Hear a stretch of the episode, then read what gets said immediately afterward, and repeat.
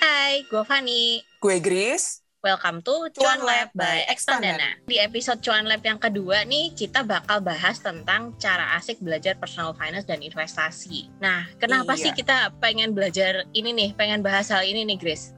Soalnya kita sama-sama tahu ya, Van, kalau waktu dulu di sekolah, at least zaman kita ya, ya emang sih kita udah lebih tua. Tapi zaman kita dulu dan waktu Mhm. SMA ataupun waktu kuliah kita tuh eh, nggak dapet pendidikan tentang personal finance dan investasi gitu. Hmm, Bahkan bener kalau gue sih waktu SMA nggak ada sama sekali. Nggak Ya. tahu deh kalau SMA lu gimana. Terus kita kan kuliah bareng ya, correct me if I'm Hmm. wrong. Tapi seingat gue juga nggak dapet kita waktu kuliah gitu. Jadi menurut kita eh, penting banget sih kita buat sama-sama ngulik ini gitu kan. Kenapa sih kita dulu nggak diajarin terus kan berarti secara nggak langsung ada gap nih yang belum keisi gitu. Nah gimana cara Bener. kita untuk fill in the gap? Bener, bener, bener. Nah, kita juga ya ini udah beberapa bulan kita eh, ngejalanin di Expandana juga dan suka nanya-nanya feedback juga nih ke teman-teman kita yang eh, suka nonton di webinar segala macam. Ternyata kurang lebih concernnya juga sama. Ternyata mungkin mereka juga nggak dulu nggak dapet nih pelajaran tentang personal finance ini dan investasi juga gitu. Hmm. Sama, gue juga di SMA nggak dapet, di kuliah juga nggak ada gitu. Jadi lebih ke baru-baru ini justru kita mulai belajar nih, mulai ngulik tentang Hmm. personal finance sama investasi ini. Nah, kalau kita mungkin mundur dulu ya, sebelum kita eh, ngobrolin belajar yang asik tuh gimana tentang Iya. personal finance sama investasinya, kita mungkin agak sedikit bertanya-tanya gitu. Kenapa ya dulu kok nggak diajarin gitu kan? Nah, ada beberapa hal yang menurut gue bisa eh, mungkin menyebabkan hal itu gitu. Kenapa kok dulu di sekolah kita nggak ada sih gitu di SMA maupun di eh, kuliah gitu kan. Hmm. Nah, boleh jadi dari pelajaran di sekolah, kurikulumnya juga itu kan guru yang memegang peranan kunci ya sebenarnya. Ya, Walaupun memang oke dari Kementerian Pendidikan eh, itu juga memberikan patokan-patokannya, eh, guidance-nya kurikulumnya seperti apa gitu. Tapi barangkali di kurikulum yang dulu nggak ada gitu kan. Itu salah satu faktor. Terus faktor yang kedua juga mungkin eh, guru-gurunya sendiri belum menguasai nih hal ini, terutama tentang personal finance dan investasi. Kalau menurut Hmm. gimana? Iya, feeling gue sih kayak gitu juga ya, karena kalau kita ngomongin soal personal finance dan investasi, pasti eh, at least kita look up to orang yang emang sudah melakukan kan. Misalkan ngomongin mau belajar investasi saham, ya pasti cari taunya, cari ilmunya ke orang-orang yang emang udah punya investment di bagian itu kan.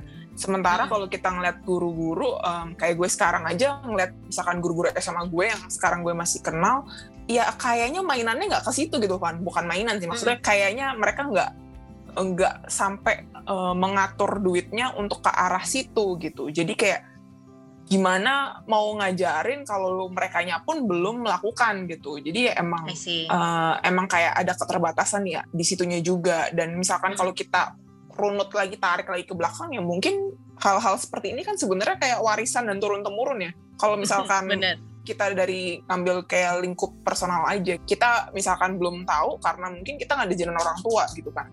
Hmm. Terus kalau orang tua kita nggak tahu, ya mungkin kakek nenek kita juga nggak ngajarin orang tua kita gitu. Jadi Bener. rantainya tuh sebenarnya panjang banget gitu sih kalau menurut gue. Nanggepin dari yang eh, lu sebutin barusan tentang eh, kenapa sih kalau di keluarga juga mungkin ngaruh ya? Karena dulu di Hmm. pendidikan pertama banget itu kan justru di keluarga nih lingkupnya lingkup terkecil kita gitu. Gue jadi inget gitu sama buku yang Rich Dad Poor Dad itu yang Iya. dari Robert Kiyosaki kan. Mm, di situ diajarin juga kan bahwa ada perbedaan ternyata ayah kaya sama ayah miskin gitu. Mm, si ayah kaya ini nakenin ke anak-anaknya bahwa oh, in order to jadi kaya gitu kita kan mesti acquire aset nih ngumpulin aset and then aset itu nih yang produktif yang kerja buat kita gitu kan. Mm, in a way itu salah satu komponen penting dalam investasi gitu which is aset yang produktif. Nah sementara kalau mindsetnya ayah miskin kan justru yang penting sekolah aja yang tinggi terus cari kerja udah Iya. gitu. Jadi kitanya yang kerja terus menerus tapi kita nggak ngumpulin aset gitu. Nggak mikir Mm-mm. sampai ke sana. Nah mm, in a way sebenarnya dulu mungkin itu berhasil gitu kan. Karena eh, zaman dulu kebutuhan nggak terlalu banyak. Mungkin living cost juga ya masih itu itu aja gitu kan. Beda banget situasinya dengan sekarang yang dunianya udah mulai berubah gitu. Nggak bisa catch up dengan uh, kebutuhan-kebutuhan yang normal kayak zaman dulu gitu. Nggak ada Iya. internet nggak ada gadget nggak ada teknologi yang maju banget. Dulu itu cukup gitu. Jadi itu sekedar nabung it's okay gitu. Masih masih yang penting saving rate-nya tinggi ya. Itu nabung tuh udah cukup. Tapi sekarang kayaknya nggak bisa gitu kan. Kalau nabung doang itu udah ya inflasi. kemakan. Iya tergerus inflasi. Biaya adminnya juga lumayan. Eh, belum tentu apa ya bisa berbunga tinggi kan gitu. Jadi Mhm. memang harus diputerin di investasi. Jadi in a way jawabannya ya para gurunya tidak mengajarkan itu ke murid-murid ke kita kita dulu. Karena juga mungkin eh, ada faktor pengalaman masa lalunya mereka juga beda gitu. Mhm, pengalaman masa benar. lalu mereka beda orang tuanya juga beda. Jadi ya tidak merasakan pengalaman hidup yang sama gitu barangkali. Gitu kali ya? Iya iya. Terus karena ngomongin sekolah lagi dulu, gue juga jadi kepikiran sih. Kalau dulu kan kita ingat-ingat, misalkan SMA kita dapatnya akuntansi sama ekonomi kali ya. Tapi Mm-mm. itu pun ekonominya mungkin kebanyakan teori tapi kayak kurang apa ya Van? Menurut gue sih kayak kurang praktek. Terus kebanyakan apalan tapi kayak belum Benar. diajarin kenapa lo harus ngerti ini gitu. Terus Ya. apa hubungannya sama kehidupan gue in real life tuh apa gunanya nih? Kayak gue bacain buku cetak pelajaran ini nih gunanya untuk apa? Itu yang waktu dulu seingat gue gue kayak nggak dapet itunya sih gitu. Nah menurut lu kenapa sih ya? Maksudnya ada apa dengan skema pendidikan di eh, Indonesia? Dan kalau misalkan di compare sama negara lain tuh apakah beda gitu sebenarnya? Hmm, hmm, hmm, hmm. menarik nih. Gue tuh sempat baca buku judulnya Teach Like Finland gitu. Hmm.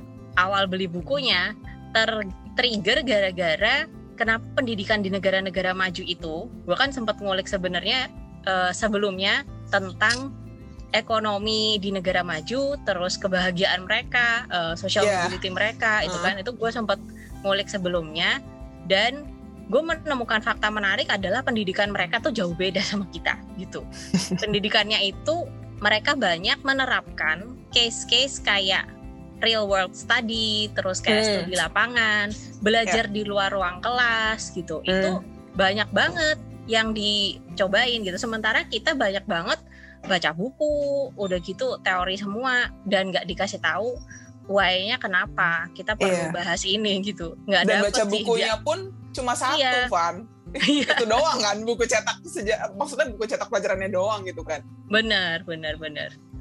Somehow eh, sayang aja sebenarnya karena sebenarnya eksplorasi case-case ini bakal kebantu kita untuk ngejawab permasalahan sehari-hari.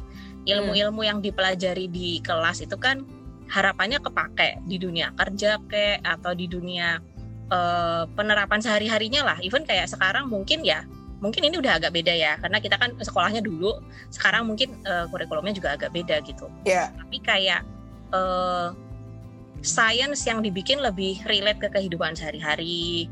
Terus udah gitu kalau dalam ekonomi ya berarti kenapa eh, cara kerja market mungkin. Itu dulu Hmm. kayaknya nggak dapet gitu. Yang gue rasain sih gitu.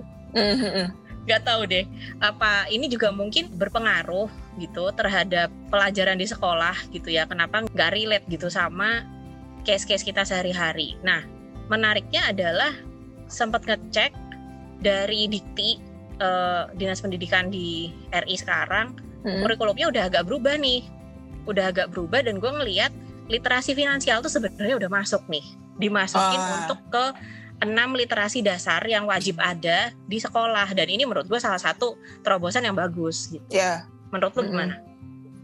Em, gue belum ngecek sih ya. Maksudnya karena gue udah nggak punya adik gue juga udah lulus dan kayak gue gak ada someone yang bisa gue beneran udah masuk atau belum ya. Tapi kalau misalkan Mm-mm. emang beneran udah masuk ya itu bakal berguna banget sih buat anak-anak eh, generasi yang lebih muda daripada kita gitu kan.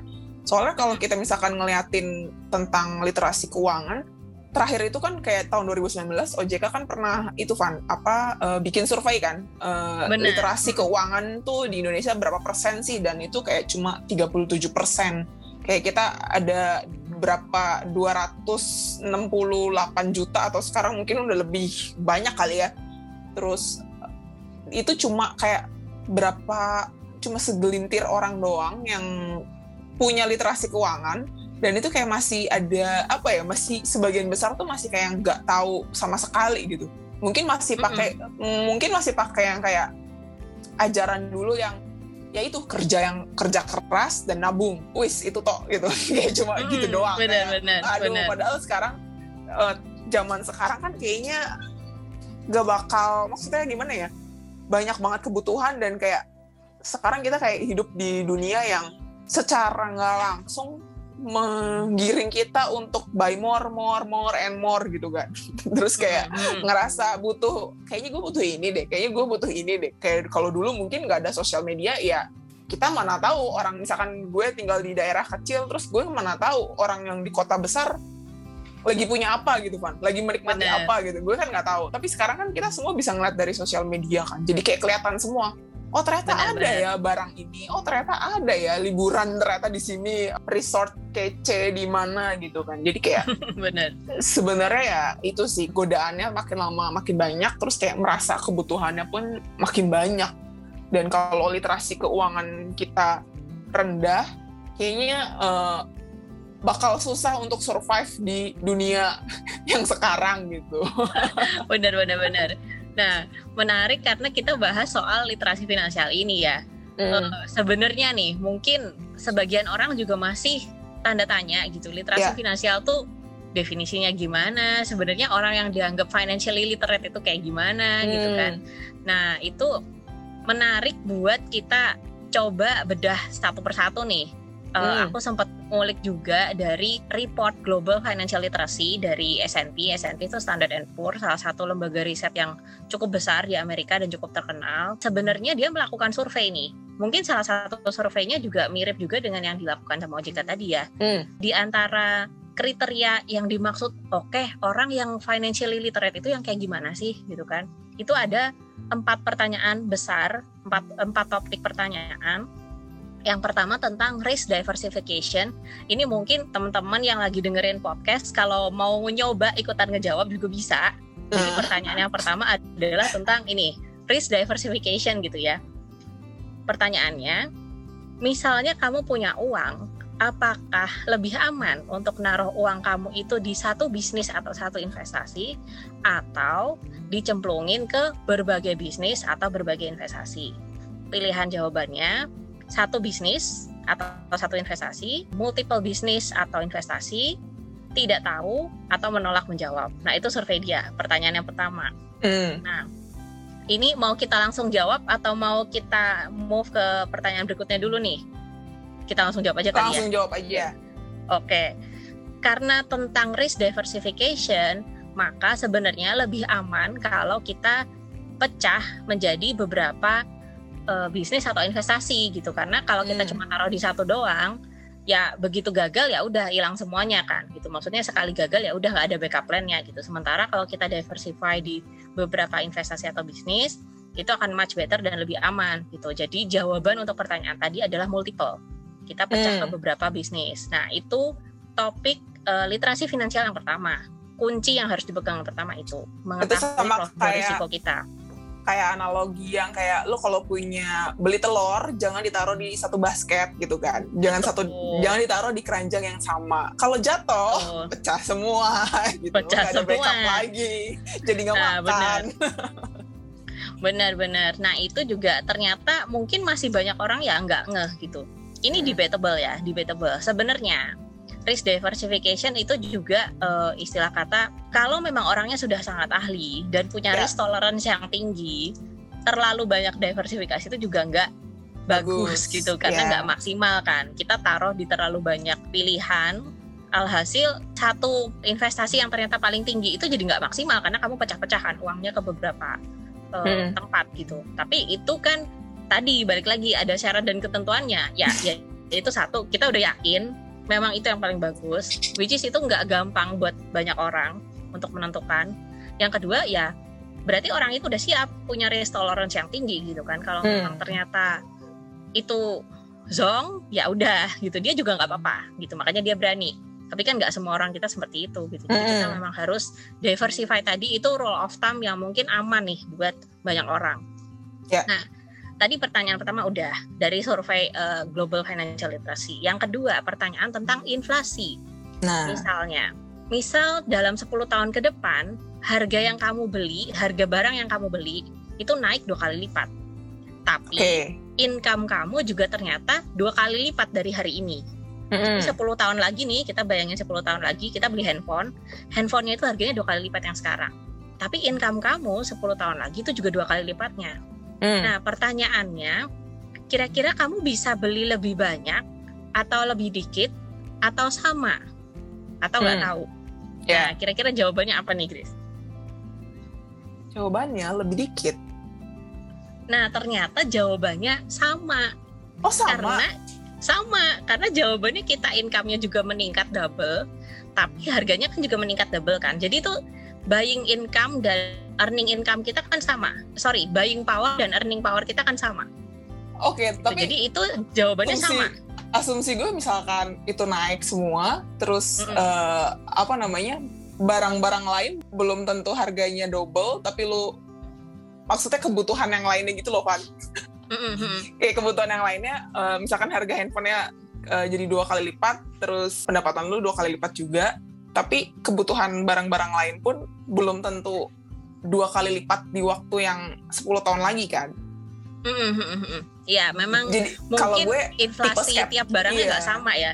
Heeh, gue tipe skeptik tiap jadi nggak sama. ngerasanya kayak lu harus spare lebih banyak dong jangan Iya. jangan nggak sama Bener, bener, bener. sorry kalau Iya, gue iya, tipe yang agak-agak skeptis ya jadi kayak agak-agak em, kayaknya gak bisa kalau sama-sama aja gitu kayak harus nambahin bener bener bener iya iya iya karena memang persepsi kita kan eh, apa ya kalau harganya naik ya of course gue mesti siapin uang yang jauh lebih banyak gitu kan apalagi Mhm. dengan dengan kayak kita bandingin gitu harga McD 10 tahun yang lalu sama harga McD sekarang iya gitu dulu parah dulu sepaket ayam 5000 dapat ayam dapat nasi udah dapat semuanya gitu misalkan Ah. ternyata sekarang udah 10 kali lipatnya gitu kan satu Iya. paket itu mungkin bisa 50 ribuan kayak gitu gitu nah Mhm. jadi memang memang inflasi itu real dan benar adanya Mm. jadi eh, yang perlu dipertanyakan tiap orang adalah apakah penghasilan kita tuh keep up sama itu gitu. Jadi Iya. harganya tiap tahun makin naik, income lu makin naik nggak gitu kan? Income lu makin naik enggak, terus aset lu bisa menghasilkan interest atau menghasilkan bunga yang bisa keep up dengan itu juga atau enggak gitu kan Mm. pertanyaannya gitu. Mm. Nah, sekarang kita ke topik yang ketiga nih oke topik yang ketiga pertanyaannya adalah tentang interest tentang numerasi jadi tentang hitung-hitungan nih Mm. misalkan kamu meminjam uang 100 dolar ini ini dalam dolar ya kuisnya ya oke suppose kita eh, pinjam uang 100 dolar kira-kira yang mana yang lebih rendah untuk dibayarin lagi Eh, 105 US dollar atau 100 dolar plus 3 persen Mm. Nah, mana yang lebih kecil? Apakah 105 US dollar atau 100 dolar ditambah 3 persen? 100 dolar tambah 3 persen Iya, betul. Kalau ini gampang ya, karena 3 persen dari 100 itu kan 100 tambah Tiga. 3, 103 gitu kan. Tapi ternyata banyak juga mungkin orang yang masih apa ya istilahnya kalau matematika dulu zaman dulu di ujian tuh soal cerita. Mm. Nah soal cerita tuh kan kadang menjebak, terus dia oke variabel yang mesti gue hitung yang mana gitu kan. Mm. masih ada terminologi persen, mungkin ada yang bingung juga aduh ngitung persen itu gimana gitu kan. Ini ternyata eh, adalah salah satu challenge di dalam literasi finansial itu. Banyak yang masih nggak terbiasa mengkalkulasi dalam bentuk persen. Persen, Gitu. Jadi ini ya. salah satu yang ditanyain, betul. dan seremnya mungkin ini kali Van persen-persen ini jadi kayak apa ya dimanfaatin beberapa pihak buat kayak menipu atau mengecoh Oh, orang-orang gitu kan jadi kayak Betul. eh iya ini ini eh, dikit kok gitu kan tinggal tambahin segini gini gini gini padahal misalkan kalau dihitung kalau bisa hitung hitungannya kan loh kok malah jadinya lebih merugikan gitu memberatkan gitu jadi Mm-mm. ini emang penting banget sih Benar, benar. Kayak paling contoh paling gampangnya nih misalkan gini, kita transaksi saham gitu kan. ya kesannya kecil. Oh, berapa sih broker fee-nya? Ah, paling cuma 0,1 0, iya Dari berapa? 0,1 persen dari berapa? Yang dijual atau yang dibeli itu berapa?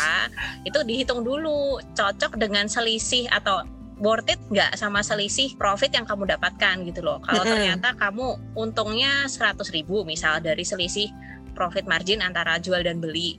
broker fee-nya kayaknya cuma 0, ini deh kecil kayaknya gitu tapi ternyata setelah dihitung dari transaksi totalnya si 0,1 persen itu 150 ribu berarti kamu minus dong justru minus yeah. ketika dicairin nah itu orang suka nggak ngeh gitu jadi penting nih untuk mengerti perhitungan kalkulasi dalam bentuk persen ini gitu hmm. karena penerapannya bakal banyak ya nggak cuma dalam yeah. bentuk fee atau bunga atau yang lain-lain tapi dalam case-case finansial sehari-hari perhitungan persen ini banyak banyak banget. Ya. Oke, nah pertanyaan yang terakhir dari surveinya adalah tentang compounding interest. Misalkan seperti ini, kita taruh uang di bank selama 2 tahun dan banknya memberikan bunga 15% per tahun ke rekening kita nih.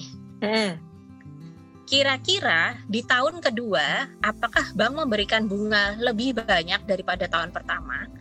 Atau jumlahnya sama? di tahun pertama sama tahun kedua bunga yang kamu dapat kira-kira apakah sama atau di tahun kedua bunganya lebih gede atau nggak tahu atau menolak menjawab itu pertanyaannya hmm. Ini berarti Kira banknya bilangnya uh, dari soal ceritanya ini si banknya mm -mm. ngasih 15% kenaikan atau 15% per tahun doang 15% per tahun oh oke okay. nah jawabannya yang benar adalah lebih banyak gitu karena asumsi untuk compounding adalah biasanya ARO ya ARO itu automatic rollover jadi hmm. bunga dan initial capital yang kita taruh di sana di tahun pertama digulung lagi untuk dimasukin ke tahun kedua kan hmm. misalnya kita uh, anggap invest satu juta kita taruh di tabungan rekening satu juta dapat bunga 15% gitu kan yeah. misalkan dapat 150 ribu mm-hmm. dapat seratus lima puluh ribu nah saldo beginning di tahun kedua jadi satu juta seratus lima puluh ribu kan yeah. berarti 15 persennya nanti nggak dari satu juta yang awal tapi dari satu juta seratus lima puluh ribu ya betul makanya secara interest lebih banyak gitu jawabannya mm -hmm. adalah bunganya lebih besar di tahun kedua. Nah compounding ini juga mungkin sebenarnya ada loh dulu di zaman sekolah tuh ada namanya bunga majemuk aku masih inget tapi nggak disambungin sama case-case sehari-hari ya. Ini loh nanti kalian tuh bakal nemuin case kayak gini tuh di deposito. Kalau kalian taruh deposito nanti gini gini gini. Itu nggak dibahas. Ya, Jadi cuma dikasih tahu. iya, cuma dikasih tahu. Oh ya udah nanti bakal ada soal di ujian sekolah semester 2 tentang bunga majemuk ini masuk biasanya soalnya gini-gini. Kita diajarin untuk menjawab tapi tidak diajari untuk me apa ya mengkorelasikan dengan sehari-harinya.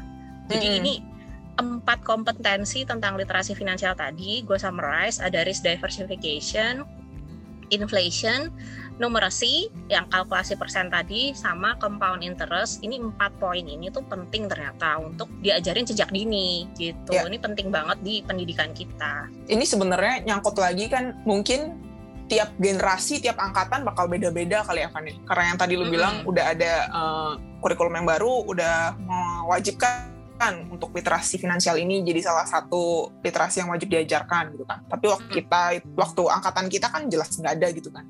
Ini kayak balik lagi ke privilege ya, di mana uh, di mana lo dibesarkan, di mana lo sekolah gitu kan, surrounding lo kayak apa gitu teman-teman lo bergaul atau ya ada nggak orang dewasa yang ngajarin lo itu itu suatu privilege tersendiri sih yang bisa bikin orang kayak lo lebih melek finansial atau enggak sih gitu kan. Nah pertanyaannya kita kan di sekolah in case kita berdua lah ya kita kan di sekolah dan di keluarga nggak begitu ditekankan tentang personal finance dan investasi ya kecuali kecuali nabung gitu kan. Kalau nabung sih pasti lah ya kayaknya tiap keluarga juga kayak gitu gitu. Gimana caranya untuk kayak fill in the gapnya itu. Kan pasti kita belajar sendiri ya. Kalau misalkan gue mungkin kalau gue pasti uh, baca buku sama ikutan webinar, ikutan kursus gitu-gitu sih Van. Kayak ngeliat kelas online apa ya yang lagi buka gitu. Ah ikutan deh gitu kan. Ngeliat dulu hmm. uh, siapa sih yang ngajar gitu kan. Ini udah ada track recordnya atau belum gitu. Nah, atau kalau lu punya metode belajar apa yang lu pakai buat mengisi kekosongan kekosongan kayak hampa ada apa gitu. Iya iya iya. Mengisi kekosongan yang nggak didapat waktu di sekolah ini Van. Ya benar-benar idealnya sih memang di sekolah kan dapat ya. Cuman karena hmm. kita tadi balik lagi kita mungkin uh, perlu cek juga sih sama kurikulum yang sekarang apakah udah updated dengan enam literasi wajib tadi yang salah satunya ada literasi finansial. Nah meanwhile karena kita mungkin belum uh, tahu dapat apa enggak kita tetap bisa jalur mandiri gitu. Kita yeah. belajar sendiri aja gitu kan. Uh, kalau dari tipe-tipe cara belajar sih sebenarnya sempat riset juga nih. Hmm. ada beberapa tipe nih untuk learning style. Nah uh, sebenarnya yang utama tuh ada empat. Biasanya orang sih nyebutnya FARK ya. F V A R K. Jadi yeah. empat. Visual, aural, read atau write dan kinestetik. Mungkin penting untuk kita self reflection dulu atau mungkin ngecek self awareness kita juga ya. Kita tuh sebenarnya untuk belajar paling enak paling nyaman itu pakai cara yang apa gitu. Kalau iya, visual nih contohnya visual itu lebih suka nonton dari video. Misalkan yeah. dari YouTube. YouTube. Itu contoh yang paling gampang gitu belajarnya lewat YouTube. Ada orang yang ngejelasin di depan uh, itu bakal lebih clear gitu. Mm -hmm kalau dari yang aural, aural itu audio sama musical gitu. Jadi lebih ke auditory. Nah, kira-kira tipenya kayak sekarang nih, dengerin, dengerin podcast, podcast kita. Bener. Dengan dengerin podcast dijelasin berupa ngobrol santai, bisa juga dengan uh, apa ya? Kalau ada tipe yang belajarnya tuh sukanya sparing gitu. Tebak-tebakan yeah. sama orang. Sama nah, teman. itu juga salah satunya hmm. sama.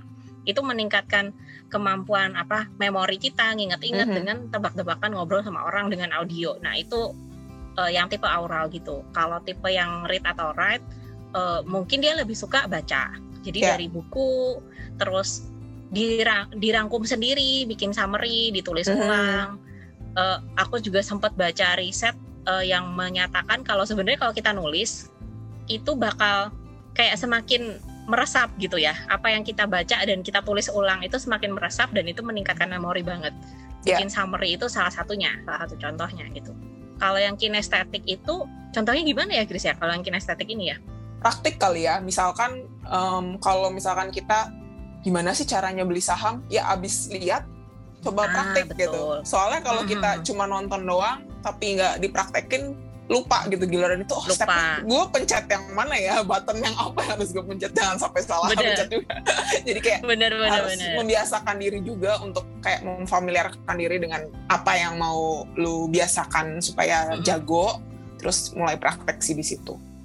Benar-benar jadi uh, empat jenis tadi itu kalau memang teman-teman sudah tahu tipe belajarnya seperti apa nah tinggal diikuti aja. Oke okay, learning style yang paling nyaman, paling comfortable buat kita apa, belajarnya pakai metode itu. Kalau mm -hmm. teorinya sendiri kan sudah tersebar ya di mana-mana gitu. Yeah. Misalkan uh, expandernya sendiri nyediain juga nih dari yang uh, modelnya artikel, terus dari yang uh, YouTube juga ada. Ini podcast juga salah satunya untuk memfasilitasi teman-teman yang mungkin lebih suka versi ngobrol deh atau versi audio aja gitu. Itu juga bisa tinggal disesuaikan aja sih gitu. Nanti ke depannya yang kinestetik nih uh, coming soon ditunggu aja nanti yeah. bisa praktek juga kok. Wah, gitu caranya. Kalau menurut lu uh, kamu sendiri gimana, Grace? Kamu lebih suka belajar dengan cara apa gitu untuk ngulik personal finance ini ya sama investasi? Hmm.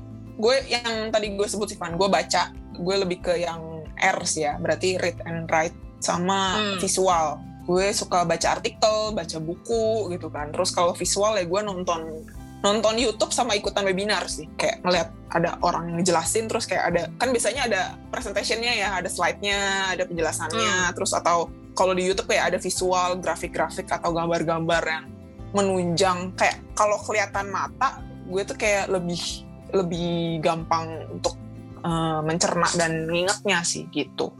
Kalau lu gimana? Benar-benar gue sama. Jadi gue juga uh, tipe yang suka baca terus gue terutama kalau menjelang ujian ya kalau nginget-nginget zaman dulu menjelang ujian tuh gue selalu bikin summary versi gue sendiri mm. nah karena itu bener-bener ngebikin jadi inget gitu karena gue me merephrase kan kalau bahasa yeah. itu nge-rephrase gitu di bukunya tulisannya gimana gue rephrase dengan kalimat yang menurut gue lebih simpel dan lebih mudah diingat versi gue gitu. yeah. dan dengan summary itu jadi inget oh tadi gue nulis ini even gue bisa memvisualkan gue nulis ini di halaman yang ini bagian mana mm. kiri atas kanan bawah itu gue tulis mm. karena gue tulis gue jadi inget gitu. yeah. nah, itu yang salah satu uh, metode yang menurut gue cukup ampuh ya untuk hmm. mempelajari mm. gitu termasuk kalau misalkan personal finance berarti mungkin dengan teman-teman beneran nulis budgetnya beneran nulis nge-track expense kalian ke mana aja karena jadi inget kan oh iya yeah, kemarin gue nulis belanja ini nih gitu mm. kemarin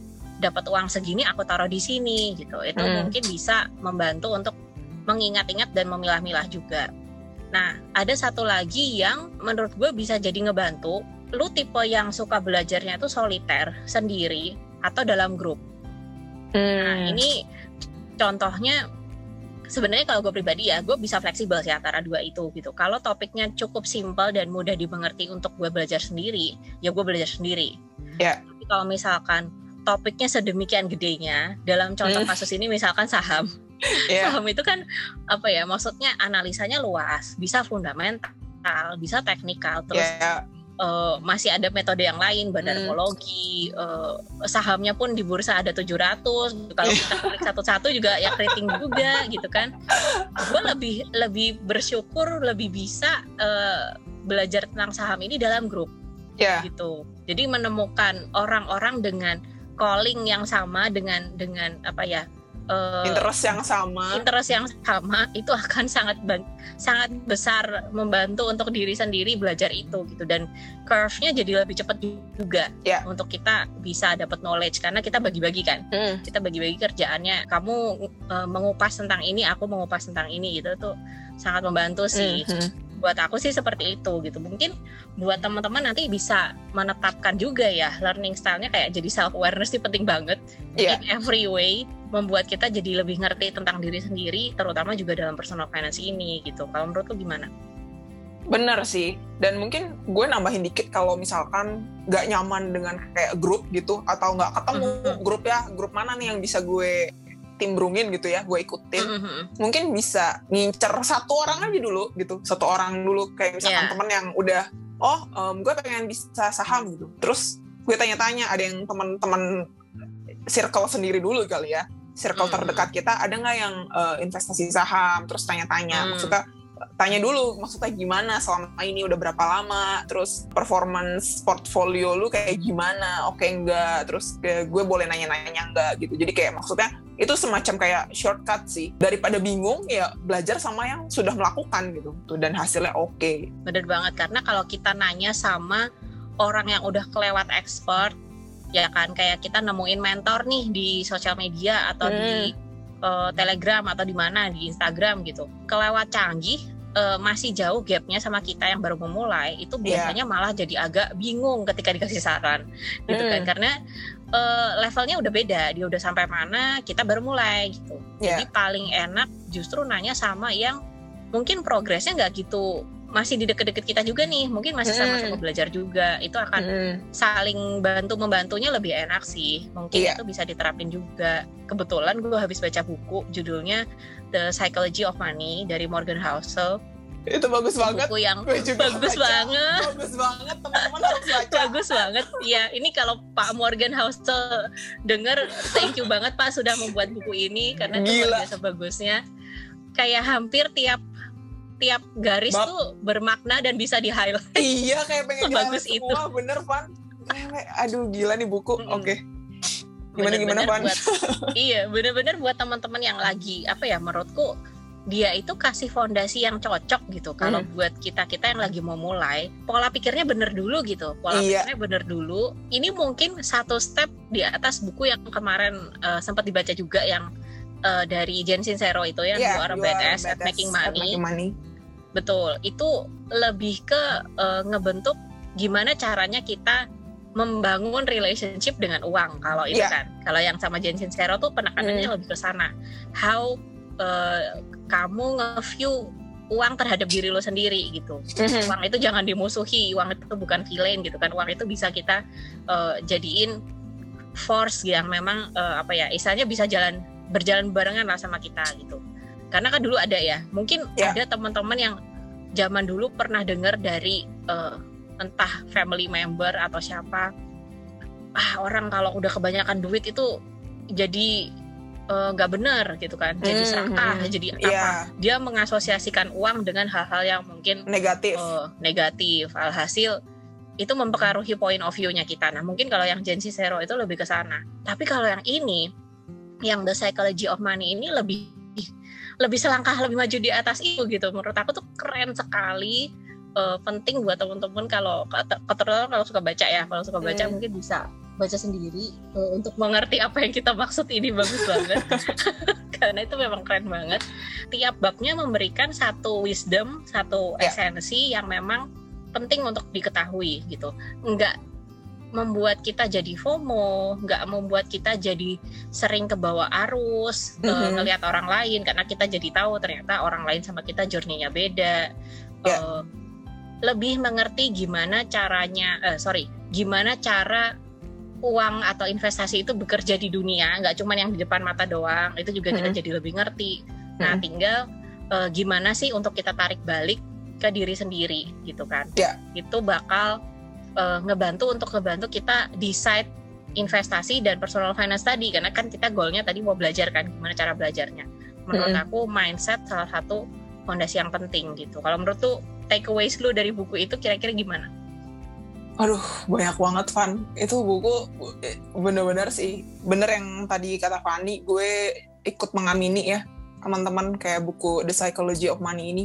Penulisnya tuh ngajarin banget diulang-ulang berkali-kali tentang endurance. Lu harus tahan supaya lu bisa dapet kayak compound interestnya tuh gainnya, untungnya tuh bisa lu dapetin gitu. Jadi emang kita tuh susah karena nggak kelihatan kan. Sekarang kayak, aduh lagi turun nih, pengen gue jual nih, gitu kan. panik kan. gitu kan. Iya. Gitu kan. Merah nih, merah nih, takut gitu kan. Ya, menurut dia, lu kalau lihat orang-orang sukses kayak Benjamin Graham lah, siapalah siapa dia kasih contoh-contoh orang-orang top gitu ya mm. ada pola yang sama ya mereka tuh bisa tahan gitu. Ya udah beli hold aja gitu. Buat nanti ya buat jangka panjang gitu. Dia ngajarin berkali-kali gimana sih caranya supaya kita tuh gak tergoda dan pentingnya compound interest tuh apa pentingnya lu tuh tetap ya bertahan dengan segala macam godaan. Dia ngajarin banget di situnya sih gue kayak sampai wah. Itu bener-bener kayak ketabok-tabok bacanya tapi ini iya, tabok ketabokan yang gue perlu. Iya bener.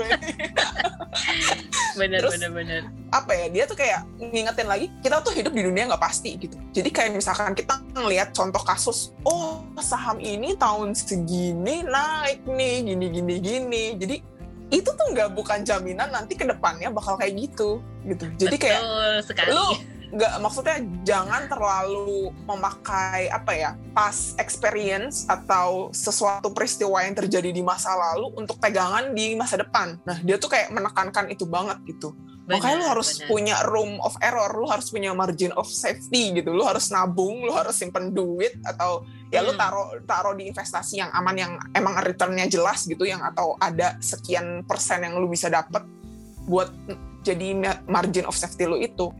Benar, benar, benar. Gue tuh merasa abis baca buku ini ya, dia kan sudah mengalami berbagai cycle gitu kan. Dia mengalami investasi juga udah, ngalamin saving juga udah. Jadi kita tinggal belajar aja dari dia gitu instead of kita coba-coba sendiri habis itu mengalami kesalahan itu sendiri dan kesalahan itu bisa costly kan gitu kan mm. walaupun uh, memang di sisi lain sebenarnya kalau teman-teman masih usia muda istilahnya masih bisa menanggung resiko yang lebih besar karena mm. ya belum berkeluarga ya kan belum ada belum menanggung siapa pun masih single kalau mau coba-coba misalkan oh ya udah eksperimen aja mau coba-coba investasi segini ya nggak apa-apa juga tapi kan diingat-ingat yang dicobakan untuk investasi itu uh, again uang dingin yang yeah. memang udah alokasi memang untuk eksperimen segala macam kalau suksesnya syukur kalau enggak pun nggak apa-apa it's a yeah. it's a lesson learned gitu kan yeah. uh, dalam artian ke depannya moving forward yang perlu di salah satu takeaways yang bagus juga dari buku ini adalah kita tuh mesti seimbang gitu nggak perlu ekstrim kanan nggak perlu ekstrim kiri gitu jadi mm -hmm. oke okay, memang betul uh, salah satu yang perlu dilakukan adalah kita play safe, kita nabung yang banyak juga, terus kita invest juga mungkin uh, ambil yang istilahnya lebih aman ya, mungkin agak sedikit konservatif gitu. Di satu sisi mindset penting, di satu sisi skill juga penting gitu. Karena yeah. kalau kita hold saham yang jelek selama bertahun-tahun dengan alasan uh, justifikasi, oh ya udah kan diajarinnya disuruh hold, ya udah hold aja terus. ya itu nggak juga gitu jangan gitu juga ya, ya. Jangan ditelan mentah-mentah juga kan jadi everything in moderation sih iya, betul. gitu ya harus iya, tengah-tengah ya, gitu kita oke okay, benar kita memang mikirin untuk nge-save dana buat pensiun gitu ya. Mm-hmm. Nggak berarti 90% dimasukin ke dana pensiun terus kamu nggak menikmati hari ini. Iya. Kan kamu juga hidup di masa ini, kamu berhak untuk uh, have fun juga setelah iya. Betul. sedemikian rupa. Jadi jangan sampai semuanya ditaruh di akhir padahal kita belum tahu kita sampai iya. akhir enggak gitu kan. Pertanyaan besar ya. Kalau ternyata besok tetot gitu terus kita nggak menikmati hari ini ya sama aja bohong gitu Iya. kan nggak nggak nggak sempat menikmati Mm, mm, gitu maksudnya. Jadi kok aku makin ke sini ngelihat kata-kata balance itu jadi penting gitu. Maksudnya oke kita nge-save hidup buat hari esok tapi jangan lupa lu juga masih hidup hari ini dinikmati mm-mm, juga mm-mm. spare waktu juga buat ya keluarga buat eh, mungkin pasangan. Anything Mm-mm. yang yang menurut lo ya life values lo apa yang penting ya yang penting buat kamu gitu. Jadi belajar di sini jadi penting. Eh, balik lagi kita ke judul ya bahwa cara belajar yang penting ini akan menentukan along the way yang perlu kita pelajari ternyata nggak cuma teknisnya gitu kan. Nggak cuma Mm. teknis kita juga perlu belajar tentang mindset. Makanya tadi kita rekomen buku juga. Kita- rekomen untuk kita lebih self aware biar lebih tahu learning style kita gimana. Terus eh, kita rekomen juga bahwa sebenarnya nih kalau memungkinkan ya eh, in in regards of social mobility gitu ya. Kalau kita pengen literasi finansial ini makin luas nggak ada salahnya apa yang kita pelajari juga kita bagiin ke orang lain Iya benar. Kita ajak juga orang-orang untuk jadi lebih aware dan lebih paham. Makin banyak orang yang lebih paham jadi kayak MLM gitu. Kita ngejelasin ke orang, orangnya ngejelasin ke circle-nya dia dan Iya. menyebar. Wah, itu jadi Kayak jauh lebih positif. Mm-mm. Betul, jadi ripple effect kan, jadi ke mana-mana gitu. Dan ke mana-mana tapi yang positif ya, maksudnya memang ilmu yang patut untuk ditularin nih gitu Iya. kalau menurut aku ini salah satu uh, takeaways yang paling penting nih dari episode podcast hari ini nih gitu. Mungkin lu mau Iya. nambahin dulu nih, Fit. Em, gue mau nambahin satu lagi sih eh, saat kita belajar kita juga harus eh, jangan malas untuk cari tahu tentang sumbernya. Kayak kita tuh belajar dari siapa sih? Terus misalkan kita baca buku em, ini penulisnya siapa gitu track recordnya seperti apa? Terus misalkan kita ikut webinar gitu ini speakernya siapa? Emang dia punya Hmm. pengalaman apa? Maksud gue jangan malas untuk cari tahu itunya gitu. Karena kita juga kita udah dengan kita belajar tuh kita memberikan waktu kita untuk melakukan hal lain. Entah itu nonton entah itu uh, baca atau entah itu nanya teman gitu kan. Jadi ya pastikan uh, waktu yang kita alokasikan untuk belajar itu ya emang maksimal gitu dengan arti kayak sumbernya pun juga terpercaya Hmm. bisa kita pegang lah ajarannya itu seperti apa gitu Benar, benar banget. Jadi mudah-mudahan episode hari ini bisa kasih insight buat teman-teman. Kira-kira kenapa penting tadi ya, kenapa penting belajar personal finance sama investasi, hal-hal apa aja yang perlu diperhatiin, termasuk mungkin learning style-nya juga. Dengan kenal lebih diri sendiri, jadi lebih tahu nih, lebih nyaman untuk belajarnya mesti seperti apa, source-nya dari mana. Jangan lupa Mm-mm. dicek dan recheck juga, Iya. reliable nggak nih source-nya gitu kan. Eh, terus tadi kita ada kasih rekomendasi buku juga, ya hopefully bisa ngebantu nih teman-teman untuk belajar personal finance dan investasi. Jangan lupa cek juga nih di Expadana juga banyak eh, media-media belajar yang bisa kalian pakai juga nih. Dan itu semuanya Hmm. free. Bisa pakai eh, YouTube, bisa pakai artikel, bisa podcast ini juga. Dan kalau teman-teman suka, bisa rekomend juga nih ke kita next kita mau bahas tentang apa. Kalian punya pertanyaan apa yang pengen banget nih dibahas? Boleh nih kasih tahu ke kita. Mungkin episode kali ini seperti itu. Eh, episode berikutnya kita masih rahasia nih topiknya. Iya. Nanti mungkin teman-teman juga boleh kasih masukan ya. bisa DM ke Expandana atau ke akun pribadi kita ya Van ya Fani stefani.id atau ke gue IMGRISS gitu Thank you teman-teman semuanya. Bye bye. bye bye